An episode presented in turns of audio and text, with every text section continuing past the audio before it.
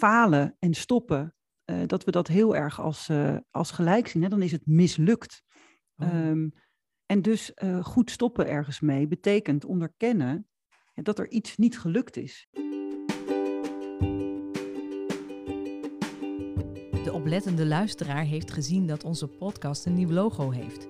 Sterker nog, we zijn helemaal in een nieuw jasje gestoken. Dat komt doordat we onze focus hebben verlegd naar verandercommunicatie. Dat is waar we goed in zijn. Wij helpen organisaties grip te krijgen en houden bij veranderingen in de leef- of werkomgeving van mensen. Mijn naam is Bianca Groot en welkom bij deze special van Getting Comfy With, de podcast voor en over communicatiemensen. Dat blijft gewoon hetzelfde.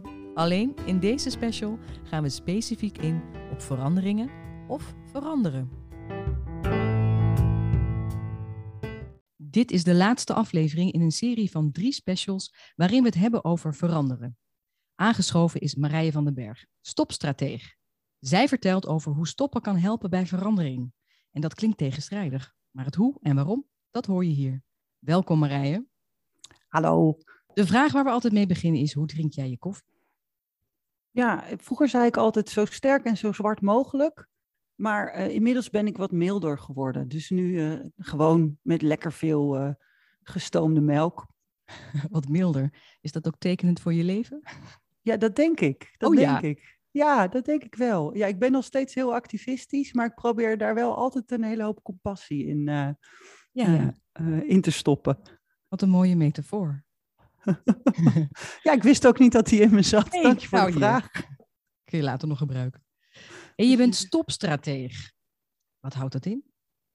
Ja, dat is natuurlijk, kijk, eh, in order to be successful, one always has to, the image of success of zoiets, is geloof ik uit eh, eh, American Beauty. Ja, ja. Ehm, als je met een onderwerp aan de slag gaat, en ik heb het onderwerp stoppen daarvoor gekozen, en je komt tot de conclusie dat het alomtegenwoordig is, maar niemand er echt mee bezig is, dan helpt het soms om een gek woordje te kiezen. En een stopstrategie, ja, je voelt hem al wel, eh, Ja. gaat dus over hoe kan je op een doordachte manier bezig zijn met stoppen. Ja, en toen ik dat woord één keer had bedacht, dacht ik, ja, dan noem ik mezelf ook maar stopstrateeg. Ehm, het is een beetje een geintje. Maar, wen- maar, maar er zit een kern van waarheid in. Ik heb er wel heel, eh, heel veel onderzoek naar gedaan en een boek over geschreven. En hoe heet dat boek? Dat heet Stop, Stopstrategie voor organisaties. En het is dus een boek niet over hoe je in je eentje ergens mee stopt, want daar zijn echt boekenkasten vol over Ja. geschreven. Stoppen met roken, met, met piekeren, met, eh, nou, er zijn vast ook inmiddels wel boeken om te stoppen met mediteren. Maar eh, eh, die gaan altijd over het individu. En waar ik een boek over heb geschreven, is hoe je dat een beetje in clubverband doet. Dus in teams, in organisaties, in hele overheden. En hoe Ja. je dat zou kunnen aanpakken. En wat mij intrigeert is dat dat dus blijkbaar nodig is. Zo'n boek. Ja, nou en oh, überhaupt stopstrategieën. Nou, het grappige is inderdaad dat als je naar verandering kijkt, hè, daar gaat deze podcast ook over, dat je Ja. ziet dat stoppen het meest verwaarloosde onderdeel is van veranderen. Oh ja? Heel veel verandering gaat over nieuw en anders en beter. Het gaat ook vaak nog wel over wat we te koesteren hebben. Hè. Ik geloof dat een van de andere podcasts ging over eh, waarderend onderzoeken. Dus Ja. wat, wat, welk kind zit er nou in het badwater? Maar wat we dan ehm, eigenlijk voor lief nemen of vanzelfsprekend vinden of verwaarlozen, is dat er dus ook dingen eh, niet meer moeten gebeuren. En we verwachten eigenlijk dat als we bijvoorbeeld nou, prioriteiten kiezen, ja, dat wat geen prioriteit heeft, dat dat vanzelf verdwijnt. En Ja. als je om je heen kijkt, zie je dat dat niet zo is. Ehm, eh, maar stoppen is best een, eh, ja, een beladen term. Ja? Ja, in, in, in de, er zijn veel meer mechanismes die ervoor zorgen dat we met dingen doorgaan, dan mechanismes die ervoor zorgen dat we met dingen stoppen. En ja, het is zelfs, zelfs biologisch. Oké. Ehm, eh, in die zin, ze hebben een onderzoek gedaan eh, onder mensen, ratten en muizen, dus nou, drie diersoorten. En het blijkt bijvoorbeeld dat ehm, eh, eh, een van de mechanismes die ervoor zorgt dat we maar doorgaan met dingen, die noemen ze ook wel de sunk cost fallacy. Dus dat is, we hebben er al zoveel tijd en geld aan besteed. Nu is stoppen geen optie meer. Nu moeten we wel doorgaan. Bijvoorbeeld al naar gelang je politieke kleur Lelystad Airport of zo. Of ICT-trajecten. Of nou ja, hè, we moeten nu wel. Mhm. En de stekker eruit trekken is dan altijd ja, soort van onmogelijk in de, in de beleids... eh, hoe noem je dat in de bestuurskunde? Noemen ze het ook wel verstrikking. Vind ik wel een prachtig woord. Oh ja. Maar het blijkt dus dat zowel muizen, ratten als mensen in een proefopstelling waar ze moesten wachten bij een restaurantje voor eten, hè, dat was dan het experiment, allemaal geneigd waren om langer te wachten naarmate ze langer wachten. Oh. Dus dat betekent dat als je lang in de rij staat, dat, je, dat jouw neiging om dan toch maar in die rij te blijven staan groter is geworden in plaats van kleiner. van je tijd. Precies, dat is die sunk cost fallacy. Dus de, de, de, de, dwaling van dat, dat, het, ja, dat wat je al gedaan hebt, dat dat, nou, dan, dan, nu moet je wel. En die uh, dwaling wordt nog eens versterkt als je zelf de keuze hebt gemaakt. Dus als je bijvoorbeeld zelf een plan hebt gemaakt en je bent dat zelf gaan uitvoeren, dan is het nog moeilijker om ermee te stoppen, hoe hopeloos dat ook is. Dus je kunt makkelijker stoppen met dingen die een ander je hebt, hebben, andere mensen je hebben opgelegd? Is dat wat je zegt? Voel je, met, voel je meteen, toch? Ja. Het plan van iemand anders is veel makkelijker om te zeggen, nou, echt een heel stom plan, dan een plan van jezelf. Ja. En als je er dan ook nog heel goed over hebt nagedacht, en er zelfs geld voor beschikbaar hebt gesteld, ja, dan toegeven dat het toch niet zo'n goed idee was, of dat het toen wel een goed idee is, was, maar nu niet meer, ja. dat wordt wel lastiger. Want zit het hem daar ook vooral in, dat mensen een soort gezichtsverlies voelen? Of? Ja, er zit in heel veel uh, redenen om door te gaan met projecten, of met werkwijze, of met ambities, of met overtuigingen. Ja, daar zit inderdaad um, uh, ja, dat wij uh, eh, falen en stoppen, dat we dat heel erg als, als gelijk zien. Hè? Dan is het mislukt. Oh. Um, en dus goed stoppen ergens mee betekent onderkennen dat er iets niet gelukt is. Ja, dat is best, je kunt je voorstellen dat dat best confronterend is. En wij belonen mensen ook niet voor dat soort keuzes. Nee. Wij vinden dat, hè, dus nieuwe plannen verzinnen, grotere ambities neerleggen, dat vinden we allemaal heel sexy. Um, ja. Maar mensen die zeggen, we wachten het nog even af, of zullen we even pauzeren? Of nou, misschien moeten we dit toch maar niet doen. Ja, dat vinden we aarzelende mensen. Of, dus dat, dat zit echt in onze, ja, in onze aard bijna. Er wordt veel van gevonden als dat gebeurt. Ja. ja. En hoe krijgen we het nou toch zo over de bühne dat het wel een goede strategie is? Nou, ik denk dat um, um, wat je ziet is bij stoppen uh, gaat het dus ook echt over um, uh, zien dat het wat oplevert. Ehm, hè, en je kunt je voorstellen dat als je ergens mee bezig bent waar je energie helemaal op weglekt, of wat eigenlijk, hè, daar zit al zo'n mooi verstopwoordje, niet meer werkt, mhm. dat als je daarmee kunt stoppen, dat dat heel veel eh, ruimte, energie, tijd en geld oplevert die je kunt uh, steken in dingen die uh, wel goed zijn. Dus als mensen nadenken over, zullen we ermee stoppen, dan, krijgen ze, dan lucht het ook altijd een beetje op dus het gaat altijd over rommel die, die weggaat, troep die we, die we niet meer hoeven. Uh, uh, nou ja, het spreekwoord wat ik in het boek uh, gebruik is: dode paarden moet je feestelijk begraven. en dat gaat dus over dat van die projecten waar je maar aan loopt te zeulen. Als je die op een goede manier ten graven kunt dragen. Nou, stel jij je nu maar voor zo'n project. Hoe heerlijk zou het zijn om daarmee te stoppen? Iedereen heeft dat soort projecten of ambities of werkwijzen. Hè, van, van tijdschrijven in de zorg tot uh, Lelystad Airport. Uh, tot hoe heerlijk zou het zijn als we nu gewoon zouden kunnen stoppen met die formatie. Ja, hoe, ja dat kan natuurlijk niet. Geen optie. Maar hoe heerlijk zou dat zijn? Nee, dit werkt echt niet. Hè? Dus je voelt al, soms is stoppen ook echt geen optie. Maar nou ja, het zou zo opluchten. Ja. En als je nou eh, in een organisatie daarmee wil beginnen met dat stoppen, hoe kleed je dat dan in? Nou ja, ik heb dus een managementboek geschreven. Dus dat bestaat uit stappen. Um, en dat, dat zeg ik met een glimlach, maar in feite gaan die stappen over de aspecten van stoppen, waar we met elkaar wel meer aandacht aan zouden kunnen besteden. En er is ook meteen een disclaimer. Stoppen is niet alleen maar ruimte. Stoppen is ook echt werk. We verwaarlozen dat werk, maar iemand moet het doen. Iemand moet er verantwoordelijkheid voor hebben, iemand moet het in de gaten houden. En sterker nog, niet één iemand, we moeten dat met elkaar doen. Ja. Um, hè, dus eh, dat betekent bijvoorbeeld, uh, nou, eerst maar eens dat je met elkaar uh, de stoptekens moet kunnen zien. Uh, en wat je merkt in organisaties in verwarring, of organisaties die zoekende zijn, en dat zijn organisaties die willen veranderen, mm-hmm. die gaan versnellen. Ja. Um, hè, dan, dan gaan ze tempo maken, dan gaan ze experimenten doen en pilots beginnen. En mm daar is op zichzelf natuurlijk niet heel veel mis mee. Maar als je haast hebt, kun je die stoptekens niet, uh, niet goed zien. Heb je een um, voorbeeld van stoptekens? Wat zie ik dan? Ik had een oproepje gedaan aan mensen van vertel mij eens, wat zijn voor jullie nou stoptekens? En ik werd er echt door overstelpt en ik heb ze in ja. feite in drie categorieën ingedeeld. Uh, de eerste categorie is uh, stilte. Dat is uh, dat je een reactie verwacht die niet komt. En dan ja. betrap je jezelf bijvoorbeeld op het sturen van mailtjes met heel veel uitroeptekens en geel gearseerd met deadlines en zo. en het komt maar niet.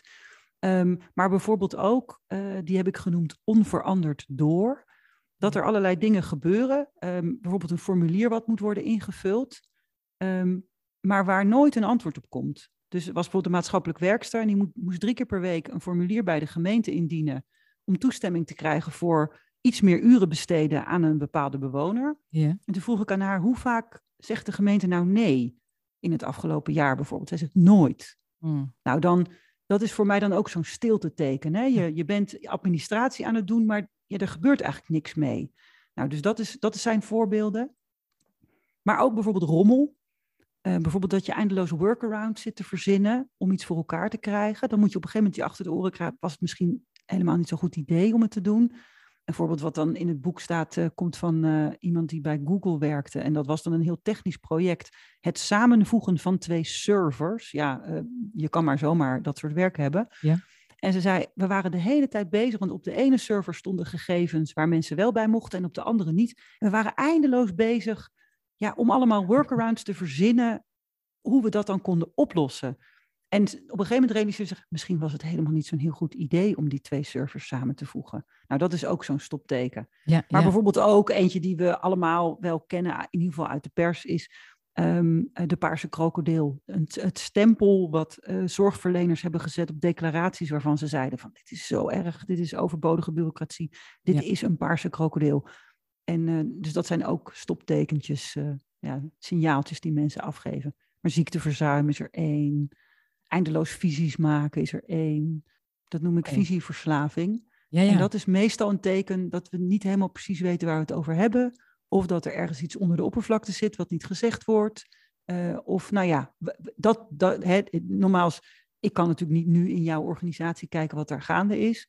Maar als je merkt dat het ieder jaar anders heet, ja. ja, dan is het interessant om een spade dieper te gaan. Wat zit er nou onder? Ja, Eh, ja. En, en eh, de, het, zeg maar, eh, of de routines die we hebben om steeds maar weer nieuwe visies te ontwikkelen, ja, ja daar, daar, gaat, daar zit in ieder geval ergens een tekentje om ergens mee te stoppen. En wat het dan precies is, ja, dat, Hoe kom je dan dat is spade dieper, hè, wat jij zegt? Hoe, hoe, hoe vlieg je dat nou aan? Ja, nou ja, ik zeg altijd, hoe is tegenwoordig geen vraag meer, dat kun je googlen. Maar, eh, Nou, dan zijn we Eh, uitgepraat. Nee, ja, precies. ja. Nee, maar er zijn natuurlijk talloze eh, vormen om een spade dieper te gaan. Hè? Ja. Net noemde je al waarderend onderzoeken. Ja. Dat is gewoon een onderzoeksmethodiek om toe te passen. Ehm, dus de vraag is niet zozeer eh, hoe doe je dat, maar de vraag is met wie doe je dat, op welk moment, wie bestelt dat. Mhm. Ehm, en dat is bij stoppen ook eh, ehm, een ingewikkelde, want het is van niemand. Want we denken namelijk dat, Ja. dat dingen vanzelf verdwijnen. Ja, Hè, toen, toen Hugo de Jonge eh, als derde staatssecretaris het tijdschrijven in de zorg afschafte, voor de derde keer werd dat van Rijkswegen afgeschaft. Ja, toen dachten we dat dat, dat ging stoppen. Ja. Maar het was van niemand blijkbaar dat stopwerk. Want om dat goed te kunnen doen, moet je gewoon op heel veel plekken aan de slag. Het is gewoon een eh, project aan zich. Ja, want als je kijkt waar tijdschrijven in de zorg eigenlijk allemaal eh, getriggerd wordt, dat is bij de aanbesteding, dat is eh, bij de verantwoording van het werk van jeugdzorgmedewerkers, dat is waar de accountant op toeziet, dat Mhm. is misschien ook wel de indicator in de begroting, of noem maar op. Er zitten allerlei fixaties waarom zoiets maar door blijft gaan. En als je daar goed mee wil stoppen, dan is dat echt een afleerproces. En niet zomaar iets van, nou ja, oké, we hebben het nu besloten en we schaffen het af en het is weg. Ja, ja. Dus, eh, dus hoe we dat doen, die spade dieper. ehm, nou ja, dat is allereerst dus onderkennen dat dat werk is en dat we dat moeten doen met elkaar. Eh, dat iemand daarvan moet zijn en daarop eh, aangesproken moet kunnen worden. Dat helpt ook. Ehm, maar het gaat er dus ook om dat je met elkaar eh, preciezer gaat bepalen waar je dan mee wilt stoppen. ja. En ehm, ik dacht toen ik dat boek schreef, dat, is helemaal, dat weet iedereen wel. Gewoon waar we op leeglopen. Ja, ja. Waarvan iedereen zegt, ah, mag, we, mag ik weg. Ja, ja, ja. Maar ehm, dat is heel particulier. Hè? Die spark of joy van, eh, van Marie Kondo is heel particulier. Sommige mensen genieten enorm van boekhouden. Ik bijvoorbeeld. Dus het is echt niet zo, ja, het is mijn guilty pleasure. Ehm, dus het is niet zo dat iedereen op hetzelfde leeg loopt. Dus het is interessant om te kijken. Stel je voor, je wil met een bepaalde regel stoppen rondom declaraties in een organisatie. Ik noem Ja. maar een, eh, een voorbeeld.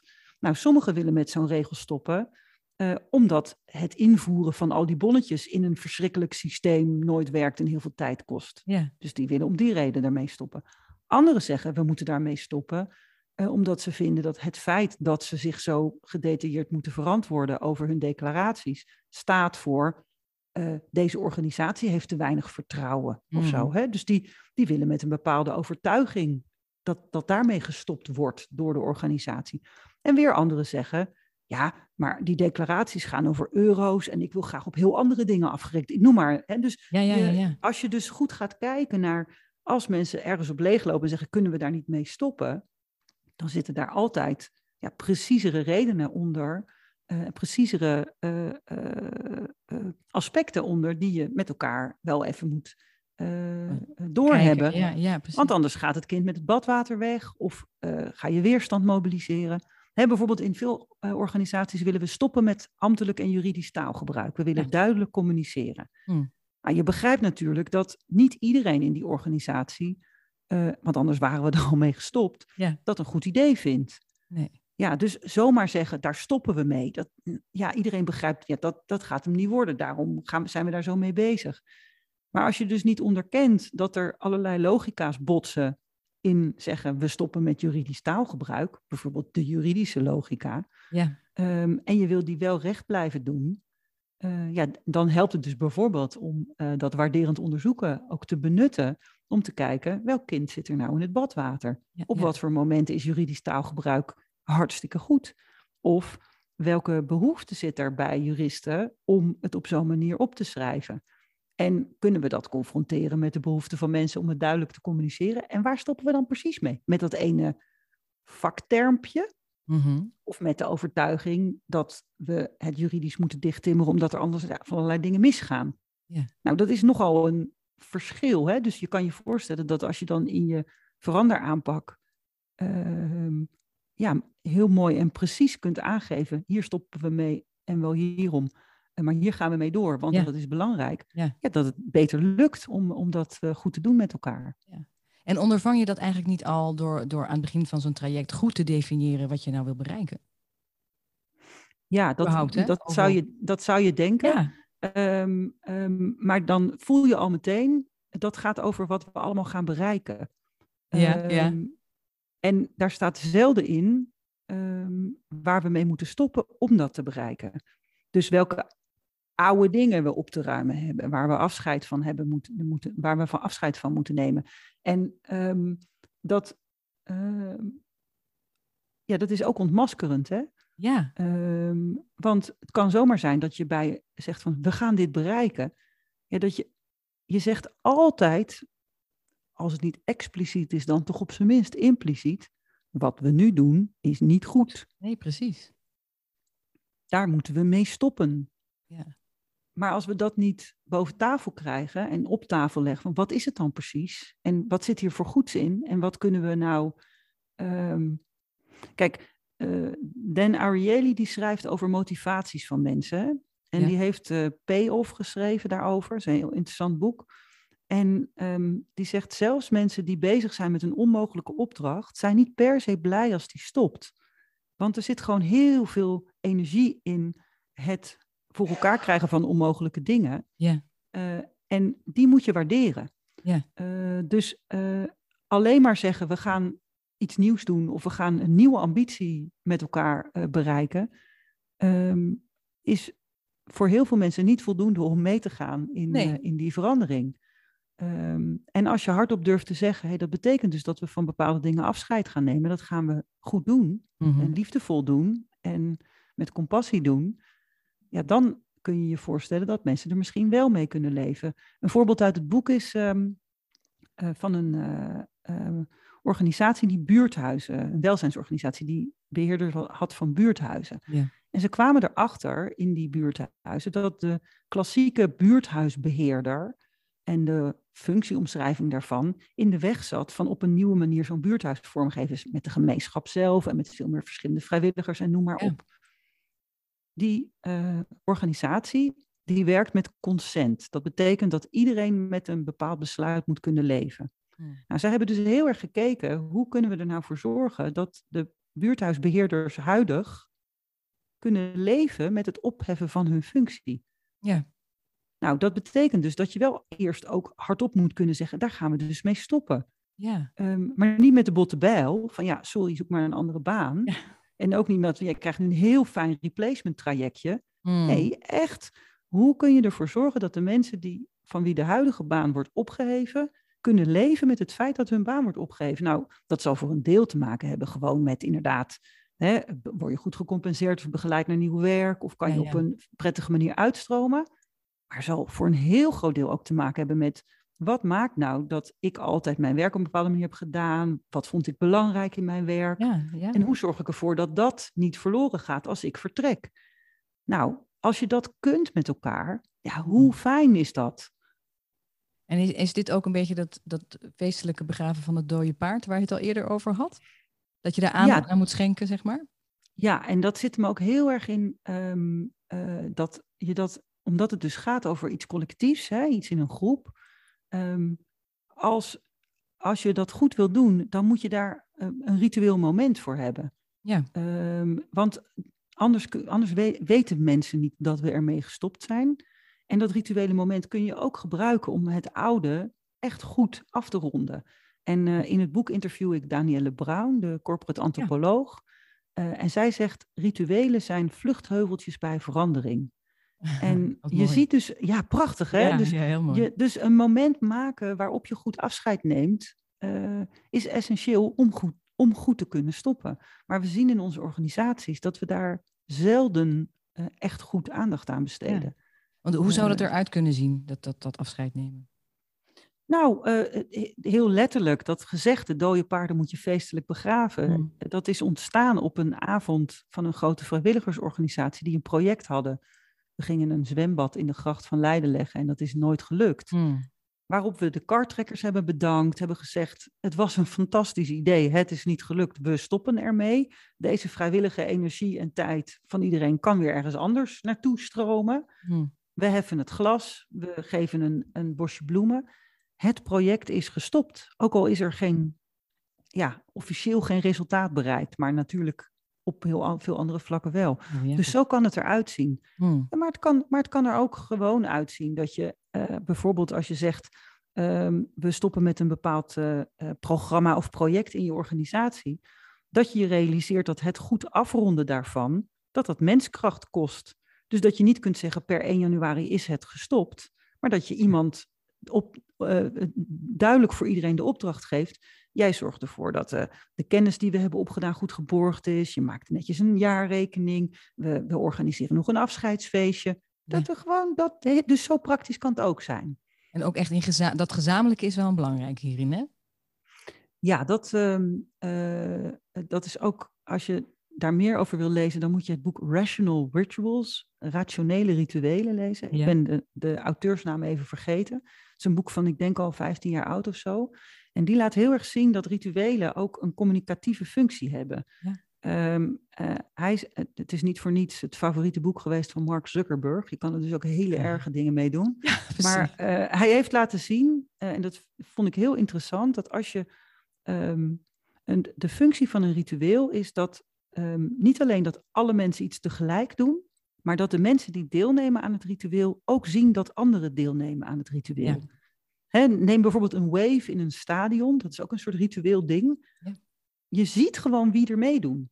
Of met elkaar iets zingen, je ziet wie er meedoen, Ja, wie er aandacht hebben. Dus je weet dan van elkaar, jij weet dat ik weet, dat wij weten dat dit nu gebeurd is. ja, ja. Dat is zeg maar de, de rationaliteit van zo'n ritueel. je voelt het en- ook vooral. Ja. Ja, en bij stoppen eh, is het dus, gaat het dus ook, het gaat ook om, eh, ja, hoe moet je dat ook weer noemen? Buy-in of commitment van mensen Mhm. eh, ervaren. we hebben het nu allemaal met elkaar afgesproken. We hebben het allemaal gezien. We hebben het allemaal gezien en we hebben gezien dat we het gezien hebben. Dus er Ja, ja, ontstaat ja, een soort hele diepe, eh, nou ja, diepere besef van dit was het dus. Ja. Dus dat, dat helpt enorm. want eh, stoppen heeft een enorme bewijslast. Hè? Als iemand ermee doorgaat, is het niet gestopt. Nee, nee. Dus dat betekent dat als je dus ook een, een stopritueel maakt, bijvoorbeeld, nou ik neem maar weer dat tijdschrijven in de zorg, daar zijn dan convenanten over afgesloten. Mhm. Wie niet bij dat convenant zat, want dat is dus een ritueel, hè? dat, is, dat Ja. heeft ook zo zijn functie. Dat is ook een- alleen maar een ritueel zo'n beetje. Maar wie daar niet bij stond, weet het dus niet. Nee. Dus als het dan weer doorgaat, wat gebeurd is, dan moet je dus kijken, hé, hey, wat interessant. In plaats van zeggen, zie je wel, lukt het me niet. Wat interessant. We hebben weer een steen gevonden waar wij ons aan stoten. We hebben weer een trigger gevonden Ja. om de tijd schrijven. Hoe komt Ja. dat toch? En Ja, zullen dat. we diegene er eens bij roepen? Kom ook in de kring. Zeker als Wij het zo hardnekkig, hardnekkig blijkt. Ja. Moet je toch Ja. even gaan kijken wat dan. Ja. Nou, en dat, en dat is dus interessant, want dat betekent, hè, dat was die disclaimer, het is dus werk. En het werk zit in het afleren. En in het waarderen van elke keer dat het niet lukt, omdat we dan met elkaar kunnen zeggen, we hebben weer iets gevonden waardoor we er toch mee doorgaan. Ja, ja. Daar hebben we wat opruimwerk te doen. Het is dus ook heel huishoudelijk werk, dat stoppen. Ja. Het is gewoon schoonmaakwerk. Eigenlijk wel, ja. Maar het kan ook best lang duren, kan ik me voorstellen, omdat het ook over gedrag gaat. Ja, en dat ligt er een klein beetje aan van waar wordt dat gedrag nou door getriggerd? Mhm. Ehm, hè, komt het door een overtuiging? Nou, die kun je bij wijze van spreken morgen anders eh, kiezen. Mhm. Maar meestal gaat het erover dat we in onze routines, in onze werkwijze, in onze jaarrapportages, in onze plannen van aanpak tussenkopjes hebben staan, invulsdingetjes hebben opgenomen, indicatoren waar die dus ervoor zorgen dat we in dat, in dat oude blijven hangen. Ehm, ja, het, het duurt zo lang als het duurt. Ehm, en elke keer als het dus niet gestopt is, heb je dus blijkbaar iets gevonden waar je nog eh, aan moet morrelen. En ja, ik heb ook met Hans Vermaak, de veranderkundige, gesproken voor mijn Ja. boek. Die is daar ook best mild over hoor. Die zegt, ach ja, ja, het is nooit van A naar B op de manier van B. Het is altijd een beetje half B en nog restjes van A. En dan doen we ook een beetje C Ja, ja. Dat is het leven zelf. Hè? Zo, Ja. zo grillig en werkelijk is het. Ehm, dus misschien ben je halverwege het afleren, is het wel klaar. Hoef je helemaal niet nog helemaal, het helemaal af te maken. Geen idee. Hè? Dus daarin ook eh, eh, ehm, een beetje de, het idee van die plannen van aanpak. En dat je dan pas klaar bent als alles af is. Ja, misschien denk je halverwege wel, nou, het was wel mooi. Is We, goed we zo. zijn er wel zo'n beetje. We gaan weer Ja. wat anders doen. Ja, dat Maar lijkt vooral dat mild zijn ook voor, voor jezelf en ook voor de ander. Hè? Dat hoor ik ook terug in wat je zegt. Dat is ook wel belangrijk om dat te blijven doen. Nou, dan is het gewoon zo. Dan, hè, dan is het niet helemaal rond, maar een beetje rond. Dat is ook goed. Ja, want, want ehm, de stopbelofte, dus een, een, iemand die zegt we schaffen het af of dat doen we vanaf nu niet meer. Ja, Ja, precies. daar zou je zomaar heel veel cynisme mee kunnen mobiliseren Ja. als het toch gebeurt. Ja. Eh, dus dat waarderen en dat mild zijn en een beetje compassie hebben of bedenken, hé, hey, maar die logica, of degene die die logica vertegenwoordigt, bijvoorbeeld de accountant, die hadden we ook helemaal niet betrokken bij het in kaart brengen van waar we nou mee moesten stoppen. Nou ja, dan kunnen we hem of haar ook niet verwijten dat hij gewoon op de oude voet doorgaat. En dan heb je gewoon nog. Dus op die manier ehm, eh, elke keer, nou ja, maar weer bijna, bijna op het hysterische af eh, positief blijven. Ja, ja, ja want, want wat is het alternatief? Hè? In een hoekje gaan zitten simmen, het lukt toch no- nooit? Ja, dat En het cynisme inderdaad, wat jij zegt, dat vind ik ook wel interessant. Dat zie je Ja. wel gebeuren natuurlijk, ja. Ja, en dat gaat altijd over gebrek aan erkenning. Dat gaat altijd over eh, ehm, ik ben niet gezien, eh, er is geen rekening gehouden met dit belang. eh, dus, ehm, eh, dus dat kan je ook heel plat slaan. Van, het is dus ook gewoon niet zo'n goed besluit geweest daarom. Nee. En, dan- en dan wordt het weer niet iets van wa- wat je persoonlijk hoeft op te vat- vatten. Dat mag best hoor, maar dan kan je ook gewoon denken, hé, hey, oh, ja, dit belang zat ook niet aan tafel toen we, toen we het plan hebben verzonnen waar we mee doorgingen, wat we gingen veranderen en eh, wat we gingen stoppen. Dus het is niet zo gek dat iemand nu een beetje bozig is. Nee, nee, precies. Wat kunnen we nu doen om eh, ja, daar ook weer een goede stap in te zetten en ook eh, weer rekening te houden met de context van waaruit diegene zijn werk eh, goed wil doen. Ja, Want iedereen wil toch uiteindelijk gewoon bijdragen en zijn werk goed doen, toch? Dat is wel het hogere doel meestal. Ja, ja. Ja, ja. uiteindelijk wil iedereen eh, hè, liefde, rust en gezondheid. Of wat zijn de, basis, eh, de basiswaarden? Die onder andere, Dus- ja. Ja, ja, ja. Ja, toch? Hey, en je hebt al wat boeken genoemd om te lezen op dit, eh, op dit eh, gebied. En natuurlijk jouw eigen boek. Heb je nog andere dingen die wij als communicatiemensen zouden moeten lezen of luisteren of, eh, of, of kijken? Oh, wat ik heel, eh, wat ik heel erg aanraad eh, is het boek Onmacht van Lijken van Os en Jaap van het Hek.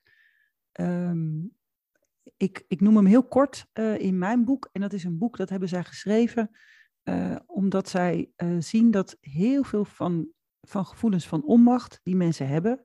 ehm, zij hebben daarin het onderscheid gemaakt, wat ik heel interessant vind, tussen individuele onmacht. Gewoon, nou ja, je gaat er niet over of eh, je kan het niet of je hebt geen mandaat. En daar kan je gewoon mee dealen. Dan kan je een beetje een copingstrategietje op eh, loslaten of wat dan ook.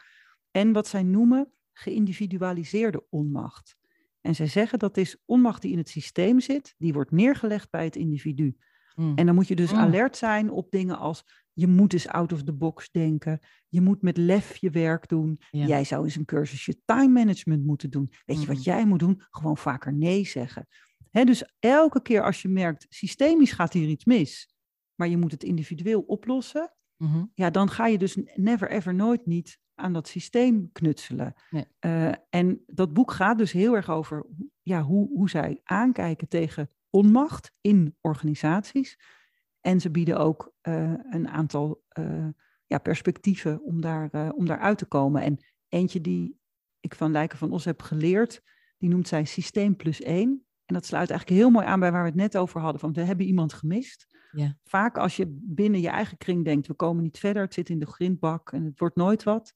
Dan als je dan eigenlijk één randje buiten je eigen systeem kijkt, dan zit daar vrijwel altijd een belang of een, een perspectief. Dat als je dat toevoegt aan dat van jou, dat het ineens gaat stromen. Nou, dat vind ik zelf vanuit communicatie heel interessant. Ja, ja, ja, zeker. Eh, hè, dat je altijd kan kijken, oké, we hebben nu een eh, bepaald frame gekozen met bepaalde perspectieven.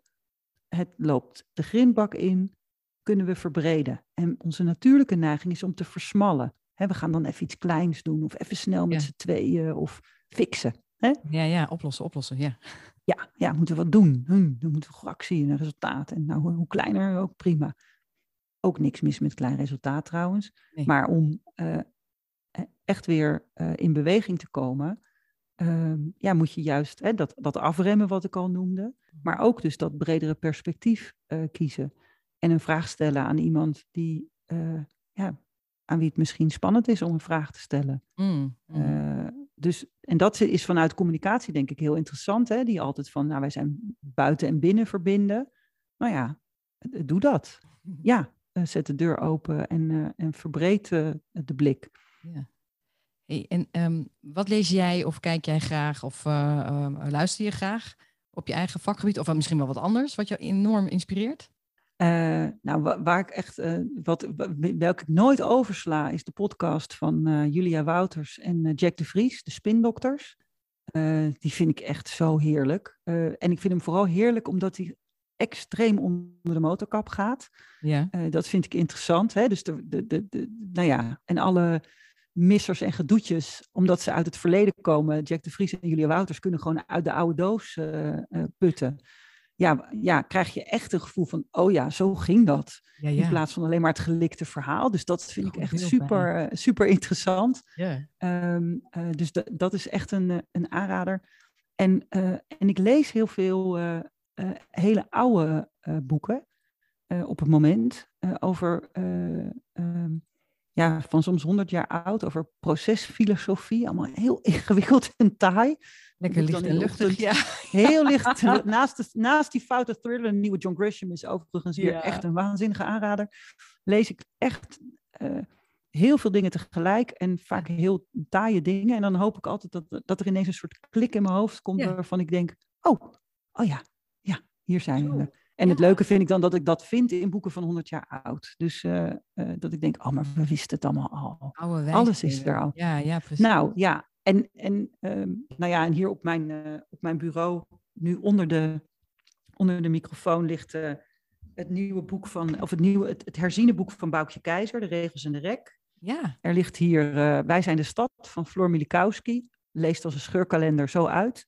Uh, en het boek Begrip, ook een heel leuk uh, boek. Dat is van Angela Riddering en Harry Geuzen. Sorry, Geuzendam heet hij. Mm -hmm. en dat gaat over complexiteit. Dus dat is oh. ook een, een aanrader. Kijken of ik daaronder nog een aanrader heb. Nee, hier ligt alleen maar effectief rekenonderwijs op de basisschool. Ik denk niet dat dat... Nee, nee, nee. Voor iedereen interessant, nee. Precies, nee.